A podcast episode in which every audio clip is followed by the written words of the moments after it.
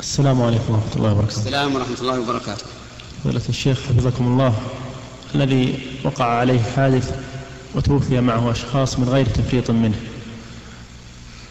هل تجب عليه الصيام إيه، إذا وقع الحادث من غير تفريط من السائق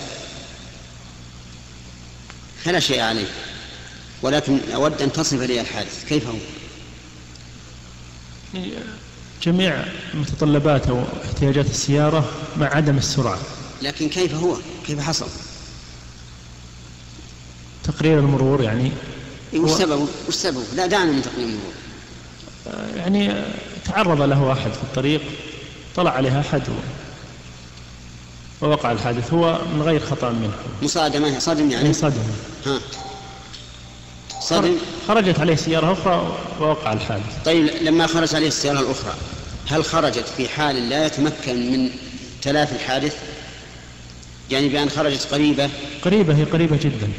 والسرعة عادية عادية ولا- ولم يتمكن من عطف السيارة السرعة يعني حسب أنظمة المرور غير متجاوزة للحد طيب ولم يتمكن من عطف السيارة ولم يتمكن لم لم يتمكن يتمكن يعني معناها خرجت من قريب من قريب ها إيه، نعم هذا ما ليس عليه شيء هذا ليس عليه شيء لأنهم لم يتعدى ولم يفرط